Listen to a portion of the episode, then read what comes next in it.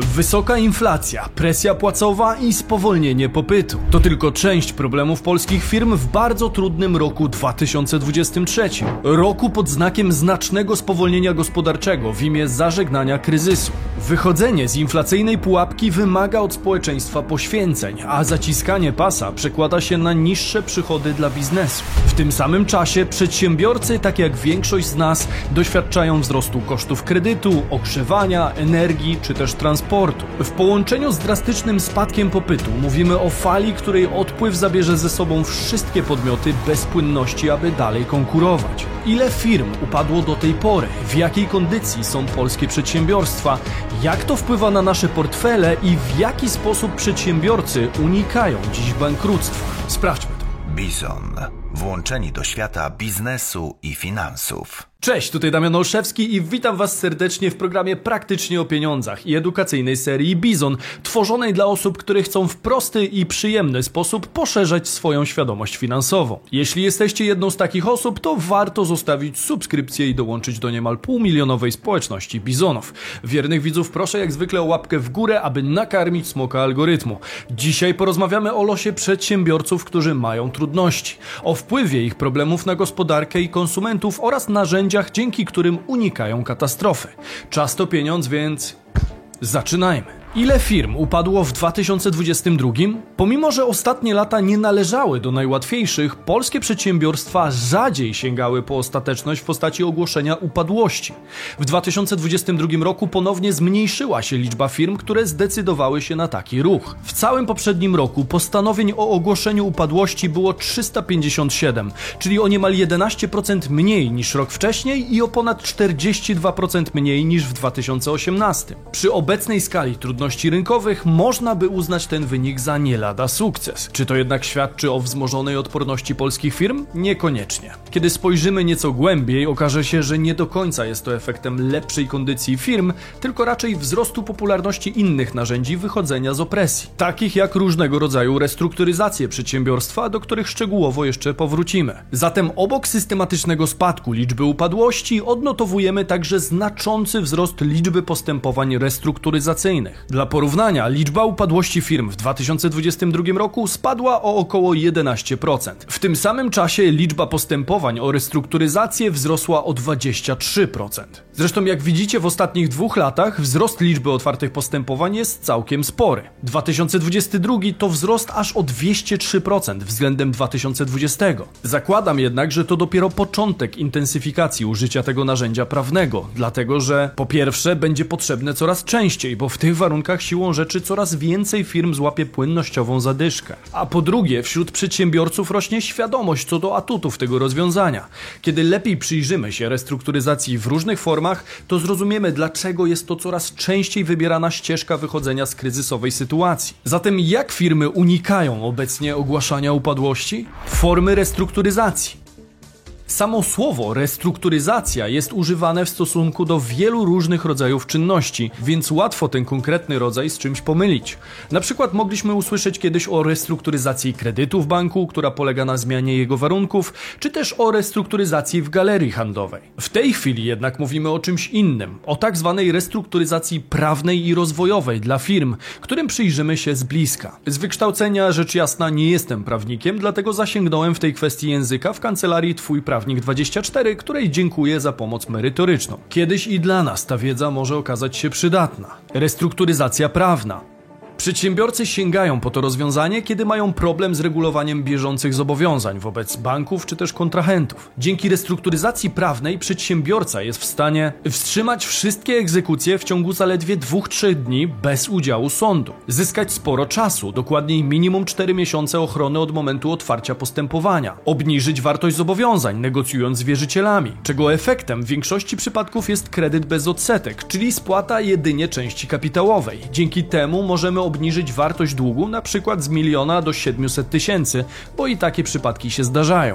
Polepszyć wiarygodność firmy. W przeciwieństwie do restrukturyzacji w banku czy też upadłości, restrukturyzacja prawna wpływa na polepszenie historii kredytowej. Dodatkowo możemy też liczyć na spore szanse na sukces przy wyborze odpowiedniej kancelarii. Twój prawnik 24 zamyka tego typu sprawy z aż 92% skutecznością, co stawia ich sporo powyżej średniej rynkowej. Najczęstszym wyborem w przypadku restrukturyzacji prawnej jest tzw. Tak postępowanie o zatwierdzenie układu. Często okazuje się ona skutecznym lekarstwem na bieżące problemy, ale niekoniecznie gwarancją wyjścia z nich na stałe. Z przyczynami problemów w firmie lepiej radzi sobie restrukturyzacja rozwojowa. Można ją nazwać niejako rozwiązaniem profilaktycznym, które pozwala zgłębić, co dokładnie nie funkcjonuje w firmie tak jak należy. Jest zresztą wykorzystywana także jako pomoc we wzroście czy też dalszym rozwoju przedsiębiorstwa. Restrukturyzacja rozwojowa i konsultacje biznesowe pozwalają zrozumieć istotę problemów firmy i wyciąć te części modelu biznesowego, które powodują zapaść. Póki co jednak z restrukturyzacji nadal korzystają głównie rolnicy i przewoźnicy towarów, co może być efektem braku wiedzy albo wiary w skuteczność tego rozwiązania. Pamiętajmy też, że restrukturyzacja to nie jest to samo co upadłość. Sięgając po nią, zwyczajnie szukamy rozwiązań, które będą lepsze niż bankructwo dla każdej ze stron. Jednak nie zawsze udaje się przedsiębiorcom uniknąć ostateczności. Kto najczęściej ogłaszał upadłość w 2022? W zestawieniu sektorów wnioskujących o upadłość nadal dominuje handel, przetwórstwo przemysłowe oraz budownictwo. Co ciekawe, w zeszłym roku na szczycie szczegółowych podklas upadających działalności znalazły się aż trzy kategorie związane z nieruchomościami. Ku zaskoczeniu wielu, w zeszłym roku najczęściej upadłość ogłaszali deweloperzy. Aż 21 deweloperów nie wytrzymało batalii z nagłą stagnacją na rynku nieruchomości. Drugie miejsce z wynikiem 17 upadłości przypadło firmom zajmującym się robotami budowlanymi przy nowo powstających budynkach. Być może byli to ci wykonawcy, którzy byli związani z upadającymi deweloperami i nigdy nie otrzymali obiecanych pieniędzy. Przy takich zleceniach w grę wchodzą naprawdę duże kwoty. Łatwo zachwycić się kontraktem, ale brak zapłaty może, jak widać, mocno pokrzyżować plany. Trzecią podklasą w kategorii ogłaszanych upadłości były firmy związane z najmem i dzierżawą nieruchomości. Czym innym jest jednak złożenie wniosku o upadłość, a czym innym jej uznanie. W kategorii ubiegających się o ten status w 2022 wygrywają egzekwo, restauracje i inne placówki gastronomiczne. To akurat nie powinno nikogo dziwić, biorąc pod uwagę, że reperkusje związane związane z lockdownem zostały po prostu przesunięte w czasie. Oraz ekipy budowlane związane ze wznoszeniem budynków. Równo po 79 takich wniosków. Tuż za nimi w kolejce do ostateczności ustawili się rolnicy z chowem i hodowlą zwierząt. Zaczęliśmy więc dość ponuro, ale widać też pozytywne aspekty zeszłorocznej statystyki. Kroplą miodu w ludzkiej tragedii jest właśnie fakt, że polskie firmy coraz rzadziej zmuszone są do ogłaszania upadłości ze względu na dostępność alternatywnych ścieżek. Ile firm zniknęło z polskiego rynku? Oczywiście postępowanie upadłościowe to nie jedyny sposób, w jaki firmy znikają z naszego rynku. Co ciekawe, statystycznie jedynie 10% wniosków o upadłość kończy się faktycznym ogłoszeniem upadłości przedsiębiorcy. Przyznacie, że to niewiele. W tym przypadku warto zwrócić uwagę na dwie rzeczy. Po pierwsze, nie dla każdej firmy upadłość gospodarcza będzie właściwym rozwiązaniem, a po drugie, w przypadku spółki wcale nie musi ona uzyskać w tej sprawie pozytywnej decyzji, aby osiągnąć pewien cel. Już wyjaśniam. Upadłość gospodarcza opłaca się tylko części dłużników i tylko część z nich decyduje się na skorzystanie z tego instrumentu prawnego. Większość przedsiębiorców prowadzących swoją działalność w formie jednoosobowej działalności gospodarczej nie zdecyduje się na upadłość gospodarczą, tylko na upadłość konsumencką, co zwykle będzie miało w ich przypadku dużo więcej sensu. Jeśli chcecie, możemy opracować dla Was także film na temat szczegółów upadłości konsumenckiej. Wystarczy zostawić hashtag upadłość w komentarzu. Upadłość gospodarcza to przede wszystkim instrument przewidziany dla ochrony spółek z ograniczoną odpowiedzialnością. Można by się zastanawiać, jak to jest, że spółki decydują się na to rozwiązanie, mimo że szansa na faktyczne ogłoszenie upadłości to 1 do 10. Otóż sęk w tym, że pomimo negatywnej decyzji sądu, zarząd spółek zyskuje ochronę przed egzekucją z majątku prywatnego członków zarządu. Zatem w większości przypadków sam fakt oddalenia przez sąd wniosku przedsiębiorcy o ogłoszenie upadłości gospodarczej nie jest wcale decyzją, na której przedsiębiorca jako spółka z ograniczoną odpowiedzialnością nie zyskuje. Statystycznie dużo częściej jednak przedsiębiorcy decydują się na likwidację spółki po uregulowaniu zobowiązań lub po prostu na zamknięcie bądź zawieszenie działalności gospodarczej. Szukając więc odpowiedzi na to, ile w rzeczywistości firm znika z polskiego rynku, warto spojrzeć nie tylko na upadłości czy restrukturyzację, ale także na zgrabne wycofywanie się przedsiębiorców z rynku polskiego. Firm, które zniknęły w ten sposób z rynku w 2022 było całkiem sporo. Ostatni rok okazał się pod tym względem gorszy nawet od dwóch lat pandemii. Zapewne dlatego, że wpompowane w rynek pieniądze zaczynają się powoli kończyć, a warunki rynkowe nadal dla wielu firm pozostają trudne. Zastanówmy się więc, jakie są przyczyny firm. Z cyklicznego badania skaner MŚP wynika, że zaledwie 8,2% badanych firm spodziewa się poprawy kondycji finansowej w tym roku i głównie są to producenci. To raczej nie wróży szczególnej poprawy w 2023. Powodów niewypłacalności czy też bankructwa przedsiębiorstwa może być naprawdę wiele, ale skupimy się dziś na tych, które w mojej opinii obecnie najczęściej gubią przedsiębiorców. Po pierwsze, odpływ darmowych pieniędzy. W ostatnich latach rynek został zalany falą gotówki, która z jednej strony pomogła, ale z drugiej wiele firm pozbawiła realnych fundamentów. Sztuczne pompowanie gospodarki przez różnego rodzaju tarcze i programy pomocowe nie każdego zdoła ocalić, przynajmniej nie w długim terminie. Pieniądze za darmo dla części firm były jedynie krótkoterminową receptą na przedłużenie agonii, a nie sposobem na przetrwanie i dalszy rozwój. Przedsiębiorca, który utrzymał się na powierzchni wyłącznie dzięki dotacjom z budżetu, do tej pory stał w porcie, ale w 2023 znów wypływa na szerokie wody. Tym razem już bez żadnego wsparcia. Jeśli w międzyczasie firma nie zaadaptowała swojego modelu do zupełnie innego otoczenia rynkowego, to ma teraz nie lada kłopot. Część przedsiębiorców można porównać do takiego balonika z niewielką dziurką. Można go nadmuchiwać, ale prędzej czy później i tak wybuchnie. Po prostu nie zwracając uwagi na niewielki ubytek, można nieźle odlecieć i zostać finalnie z niczym. Trzeba pamiętać o tym, że kiedy zakupujemy problemy kapitałem, to ich nie rozwiązujemy, tylko na moment zapominamy o ich źródle. Aż do chwili, kiedy całe powietrze zniknie, albo zabraknie nam pieniędzy na dalsze pompowanie balonika. Część firm znajduje się bowiem w sytuacji, w której nagły brak gotówki pojawiającej się niemal z powietrza podważa dotychczasową zasadność ich bytu. Otóż nie wystarczy dać firmom darmowych pieniędzy, aby te były w stanie utrzymać się na rynku i nauczyły się przetrwania. Nie w takim środowisku gospodarczym, jakie przynosi nam 2023. Wielu przedsiębiorców w międzyczasie przejadło lub przeinwestowało otrzymane pieniądze, ulegając przez nie złudzeniu, że biznes idzie przecież całkiem nieźle. Ten rok stanowi dla nich czas bolesnej weryfikacji. Po drugie, społeczny kult sukcesu i pogarda dla porażki. Przedsiębiorca powinien być tym gościem, którego nic nie rusza, który przed do przodu choćby z połamanymi nogami, dla którego nic nie jest niemożliwe. Społecznie jako przedsiębiorcy karmieni jesteśmy wizją końcowego sukcesu, który nie każdemu będzie przecież dany. Tak zwany American Dream w polskim wydaniu. Jesteśmy dość młodą, kapitalistyczną gospodarką, więc trudno się temu dziwić. Jako przedsiębiorcy podejmujemy ryzyko, aby mieć więcej czasu, pieniędzy i możliwości, a czasem dostajemy coś zupełnie odwrotnego. Stres, brak snu, strach, zwątpienie, a być może i masę długów.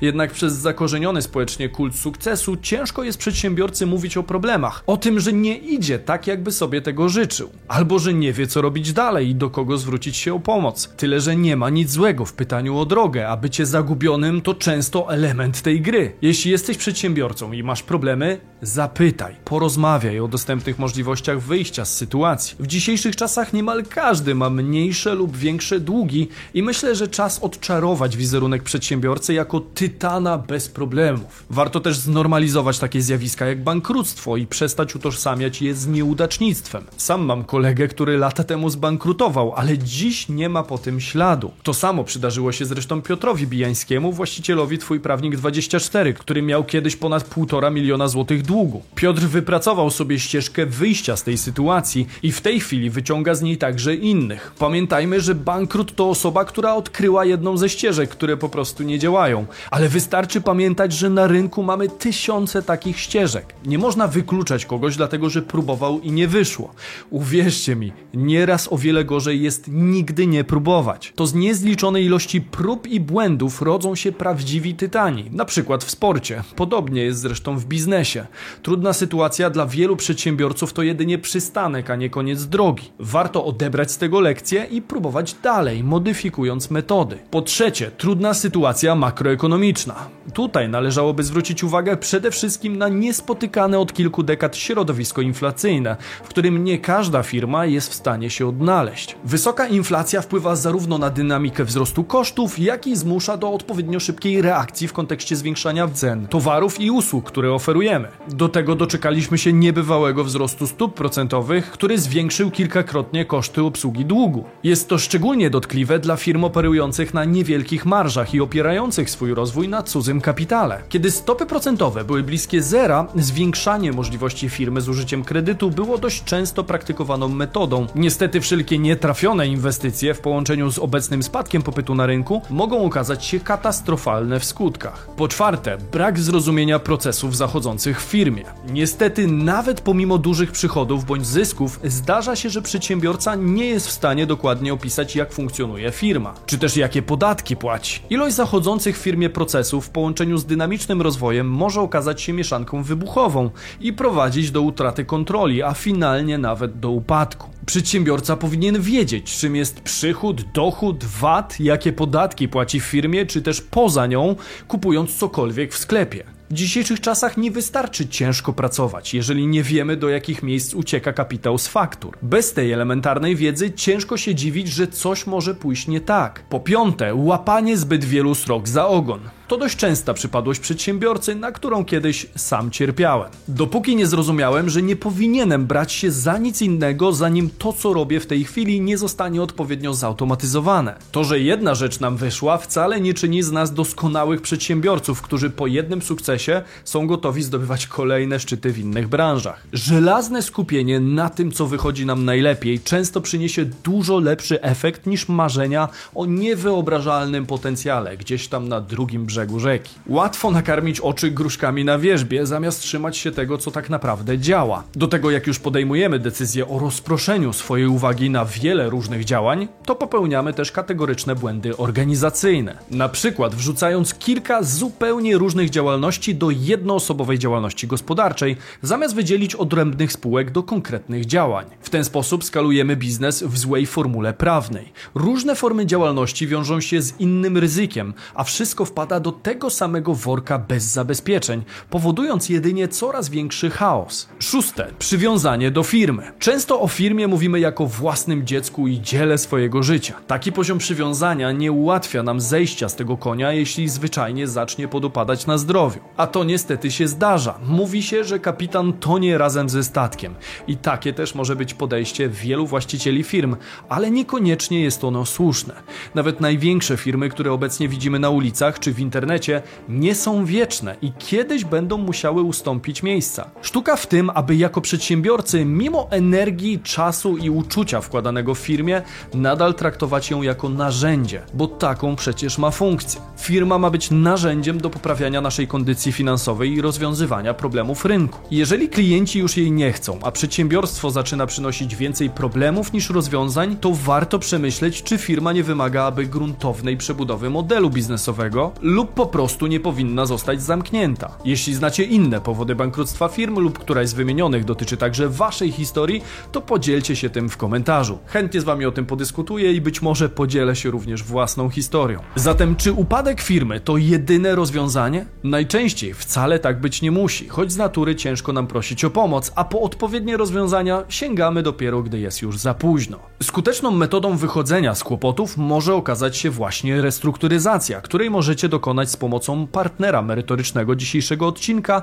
czyli Twój Prawnik 24. Nie bez przyczyny widać na rynku tak znaczący wzrost ilości tego typu postępowań. W tym przypadku macie do czynienia z firmą, której lider był kiedyś w tym samym miejscu i wie jak to jest. Piotr jest zresztą jednym z bizonów i stworzył firmę, która działa obecnie w całej Polsce i zależy im na tym, aby realnie nieść pomoc. Zespół Twój Prawnik 24 podchodzi do sprawy kompleksowo, oferując zarówno restrukturyzację prawną, rozwojową, jak i doradztwo biznesowe. Z ich usług oddłużania skorzystało już ponad 34 tysiące osób i firm. Do tego mają dostęp do szerokiej gamy specjalistów, dokładniej do ponad 80 prawników, doradców restrukturyzacyjnych, biznesowych i adwokatów. Na stronie pod linkiem w opisie filmu znajdziecie także historię prawdziwych klientów z różnych branż, którzy przeszli przez cały proces restrukturyzacji. Kto wie, może ktoś z Was zobaczy w tym własną sytuację. Ich specjaliści towarzyszą przedsiębiorcy w całym procesie, więc nie musimy się martwić, że na jakimś etapie zostaniemy z tym sami. Skuteczność na poziomie ponad 90%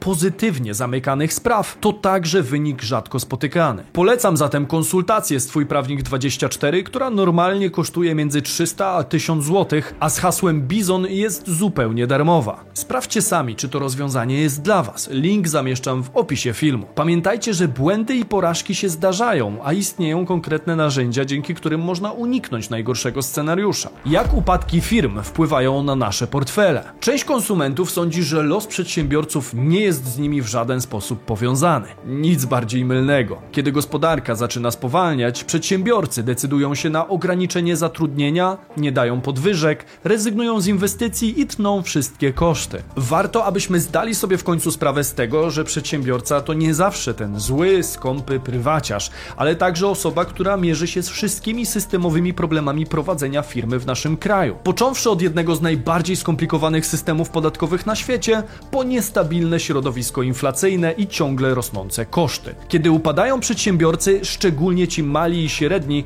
to gospodarka także przestaje się rozwijać. A to jej rozwój jest jednym z motorów napędowych dla większego komfortu życia obywateli. Dlatego jeśli znacie kogoś, komu narzędzia przedstawione w tym filmie mogą realnie pomóc, to prześlijcie mu ten odcinek. Może wspólnymi siłami uda nam się uchronić którąś z firm od upadłości. Tymczasem jeśli ten film był dla Was wartościowy, to zapraszam do subskrypcji kanału po więcej. Wiernych bizonów proszę jak zwykle o hashtag bizon w komentarzu, a my widzimy się jak zwykle w sobotę i niedzielę o 15. Cześć!